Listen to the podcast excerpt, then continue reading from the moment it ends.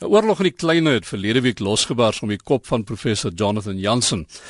Die rektor van die Vrystaatse Universiteit het in die jaarlikse Percy Banishek lesing om uitgelaat oor die rol van Engels en Afrikaans in die land en dan spesifiek oor wat hy beskou as die versoenende rol wat Engels sou speel of kan speel. Iets wat veral heftige reaksie ontlok het is die stelling dat skole waarin Afrikaans oorheersend is en Afrikaans enkelmedium skole 'n bedreiging vir rassevrede is. Ons praat vanoggend met professor Jonathan Jansen. Professor Jansen, môre. Môre Kobus. Wat gaan net eers na daai stelling? Is dit wat jy gesê het en wat en of wat bedoel jy daarmee? Wat 'n stelling. Daar was so drie groot ja, stellings. Ja, goed, daai die een stelling wat daar die hierdie laaste ene wat lyk dit vir my die meeste mense die harnas in gejaag het is dat skole waarin Afrikaans oorheersend is en Afrikaans enkelmedium skole is 'n bedreiging vir ras en vrede. Nee, absoluut. Ek staan daarbey. Hm. Uh, ek sien dit mos. Jy weet kinders wat gaan na skole waar uh, in dit niks te doen met Afrikaans nie. Afrikaans verdeel nie. Jy weet dit het gegaan oor die kombinasie van wit eksklusiewe Afrikaanse skole hmm. of dominerende dat die kinders sukkel as hulle nie die geleentheid gehad het oor daai 18 jaar voor hy of sy universiteit te kom nie om saam met ander mense te leer wat nie lyk soos hulle nie wat nie dieselfde geloof deel nie uh en, en so meer. En die kinders sukkel omdat hy nou skielik byvoorbeeld by die universiteit kom en nou 'n koshuis moet deel met mense wat hy nog nooit van tevore op uh, op gelyke voet ontmoet het nie. Daai kinders wat so afgesonderd groot word. Dieselfde geld natuurlik. Ek het natuurlik in daardie spesifieke paragraaf verwys na wit eksklusiewe Afrikaanse skole. Maar dieselfde geld natuurlik vir die kinders wat vasgevang word in swart township skole vir 18 jaar wat dan universiteit toe kom en glo dat alle wit mense is uh jy weet uh rassisties byvoorbeeld. So die die hele idee agter daai stelling was om te sê ons moet ons kinders probeer van vroeg af en hier kan die ouerhuis ook 'n rol speel natuurlik.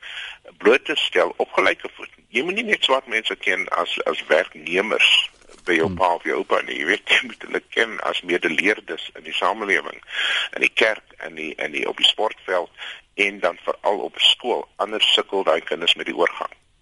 So wat wat sou die oplossing wees hierso? Ehm um, pra, praat ons hier van dubbel medium skole, ehm um, uh, waaroor daar ek ek weet ook dat van die onderwyskenners sê vir ons maar ons moet moedertaal onderrig hê. Ehm um, waar waar waar waarop stuur ons af hierso? Nee, wat wat ek beteken eerstens weer is kyk ek dink skool is net een faset natuurlik van hmm. uh van waar jy hierdie goed kan doen. Jy weet my eie kinders het al hulle hulle oë oopmaak en ons huis te sien hulle mense wat moslim en joods en en afrikaans sprekend en en soete sprekend is en so en so voort. Uh, en so ek dink dis die eerste ding wat jy kan doen. Die tweede ding is om in skool uh, die die meeste verse skole in ons land is eintlik Afrikaans medium skole net hier in die stad waar ek nou woon in Bloemfontein. So kyk ek skool soos Oranje byvoorbeeld waar die hoofdogter self swart Afrikaans sprekend was. Dit gaan nie oor Afrikaans nie dit gaan oor die diversiteit bou binne skole.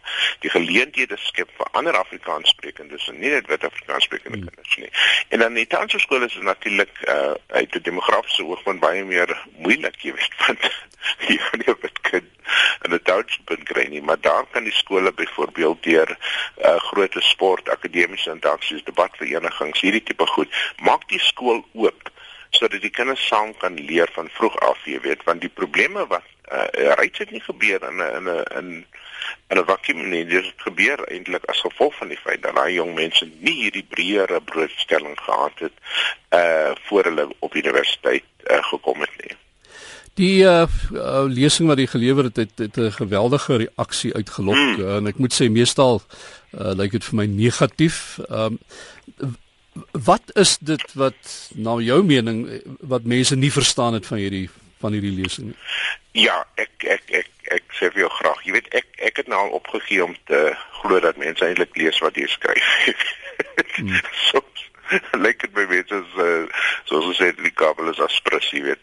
Nou daar's 'n spesifieke uh, in die middel amper naby die middel van die uh, referaat is daar 'n spesifieke verwysing na die agtergeblewe skole. En daar maak ek spesifiek die punt dat die moedertaalonderrigmodel werk nie in sulke skole nie en dis 'n feit die uh, jaarlikse nasionale assesseringsdata wys dit baie duidelik uh, veral in in in in uh, literasie net dit werk nie.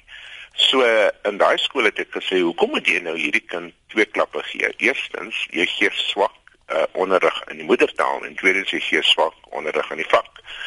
En en en dit beteken dat as hy kind eers in graad 5 kom, okay, en dan word hy of sy blootgestel aan Engels en dan se te laat en hy kind sukkel vir al 'n hmm. hele skoolloopbaan net om die Engels te bemeester. Uh en dan is daar nog die die vakkennis. En in high skole en ek praat dan spesifiek van die skole wat nie werk nie, jy weet. Nou die akademiese model werk in twee skole. Dit werk in die tradisionele ehm um, Afrikaanse skole daar sê jy debat daaroor en dit werk in die tradisionele Engelse skole.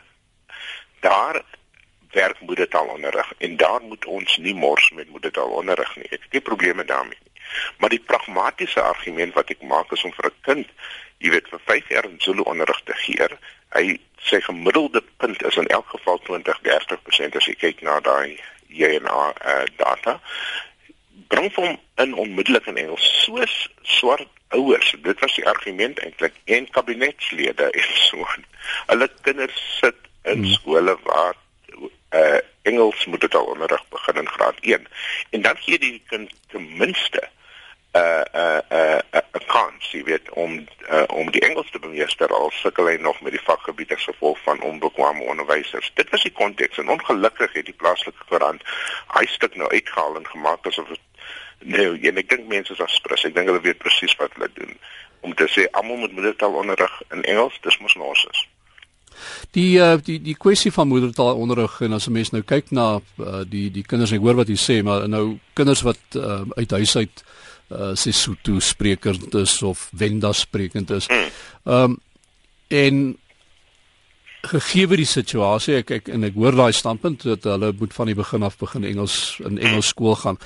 Ehm um, terselfdertyd is dit nie ook in die langtermyn en ek ek sê nie mense moet nou hierdie kinders gaan opoffer daarvoor nie, maar moet daar nie tog maar in die langtermyn ook van die regering se kant af moedertaalonderrig uh fokus daar wees nie. Ek ek praat net in terme van die van van van kulture lyk like dit vir my wat half begin uitsterf as as mense nie tale praat nie.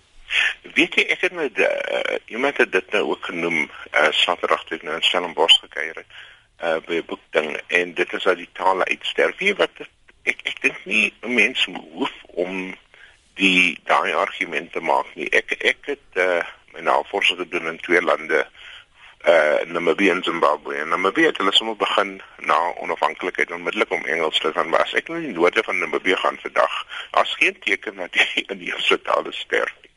So, en en ek dink die belangrike ding om te sê is nommer 1, jy leer nie net jou moedertaal in 'n skool nie. Okay?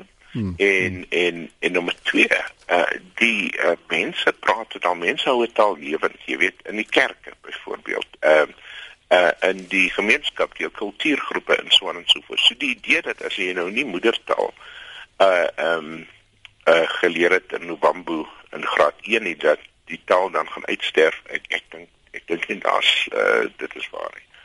Op op op die ou einde is ehm um, selfs die aanleer van 'n taal maar ook dan die die ehm um, vermoë om met ander mense saam te leef uh, in vrede harmonie en so aan dit is maar dit gaan oor blootstelling. Dit gaan oor blootstelling en dit gaan ook om te kyk en hier het die argument nou geskuif natuurlik na universiteite toe en veral universiteite soos ons hier in die middel van Suid-Afrika. Dis 'n bietjie anders by Stellenbosch dan kyk.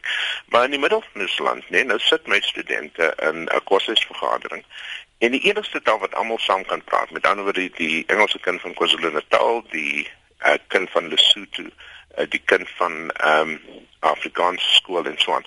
Die enigste taal wat hulle in gemeen het buite die klaskamer okay, is eintlik Engels. En hier het ek groot admirasie vir my studente want hulle aanvanklik toe hier kom toe se mense by as presies weer praat hy Afrikaans vir 3 ure weten dat al van die mense uitgesluit word. En is in daai konteks wat ek gesê het, miskien is Engels hier 'n uh, geleentheid, jy weet uh vir versoening sodat ons eintlik deur een taal kan praat en deur dit te doen die ander tale kan versterk. Jy sien as jy die houding, ek het dit oor die jare al gesê, Kobus, as jy die houding teenoor Afrikaans positief maak en nie doen wat in 76 gebeur het nie, dan gaan ander kinders wat nie Afrikaans magtig is nie, ook die taal wil leer. OK. En so aan en dit is vir my die lekker ding. En ons het 'n dubbele medium model wat werk. Jy gaan klas toe in Afrikaans die kinders aan Koffsie kerk toe en besonder van Afrikaans. Dit bedoel nie die einde van die taal nie. Dit bedoel net dat waar jy saam leef, saam woon en so aan, daar ook 'n geleentheid is om in 'n gemeene taal met mekaar te kan kan praat. Maar ek wil ook net dit sê, jy weet ek sien dit is vandag ook in die koerante. Die grootste ding wat my bekommer, uh, Kobus, is nie die debat nie. Jy weet uh, die debat moet ons hê en ek moet ook vir jou sê uit my Facebook en Twitter en e-mail is die groot ehm um, reaksie van Afrikaanssprekers eintlik baie positief. So mense moet dit nie altyd vas daar in die koerant is uh hoofberigte nie. So ek ek weet daar's baie baie Afrikaanssprekende mense in ons land wat sê man, kom ons kyk na 'n manier om twee goed te doen Afrikaans te bevorder maar dan ook met mekaar te kan praat in 'n gemeentetaal. Wat my bekommer is die onverdraagsaamheid, die ongelooflike. Ek het nog nooit gesien groot mans praat so lelik met iemand wat hulle nie eens ken nie. Jy weet? Ja. En ek het teruggedink aan wat gebeur het met my vriend se pa, jy weet, Johan en eh uh, Heinz. Ek het teruggedink aan wat onlangs gebeur het met Kroukamp, die dosent by UJ. En ek dink ons mense moet baie baie versigtig wees dat hulle nie deur uh hierdie onverdraagsaamheid, hierdie absolute uh ehm um, onvermoë om te kan redeneer. Dit wys op 'n uh, in, in terug op 'n swak opvoeding. OK.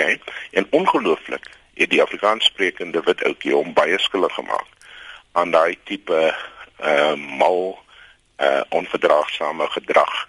En ek is bekommerd oor daai kinders wat dan nie uit hulle self uit op onhou idees is wat jy nodig het in demokrasie. Moontlik is ek verkeerd. Moontlik oor 10 jaar bewys mense almal ek is verkeerd.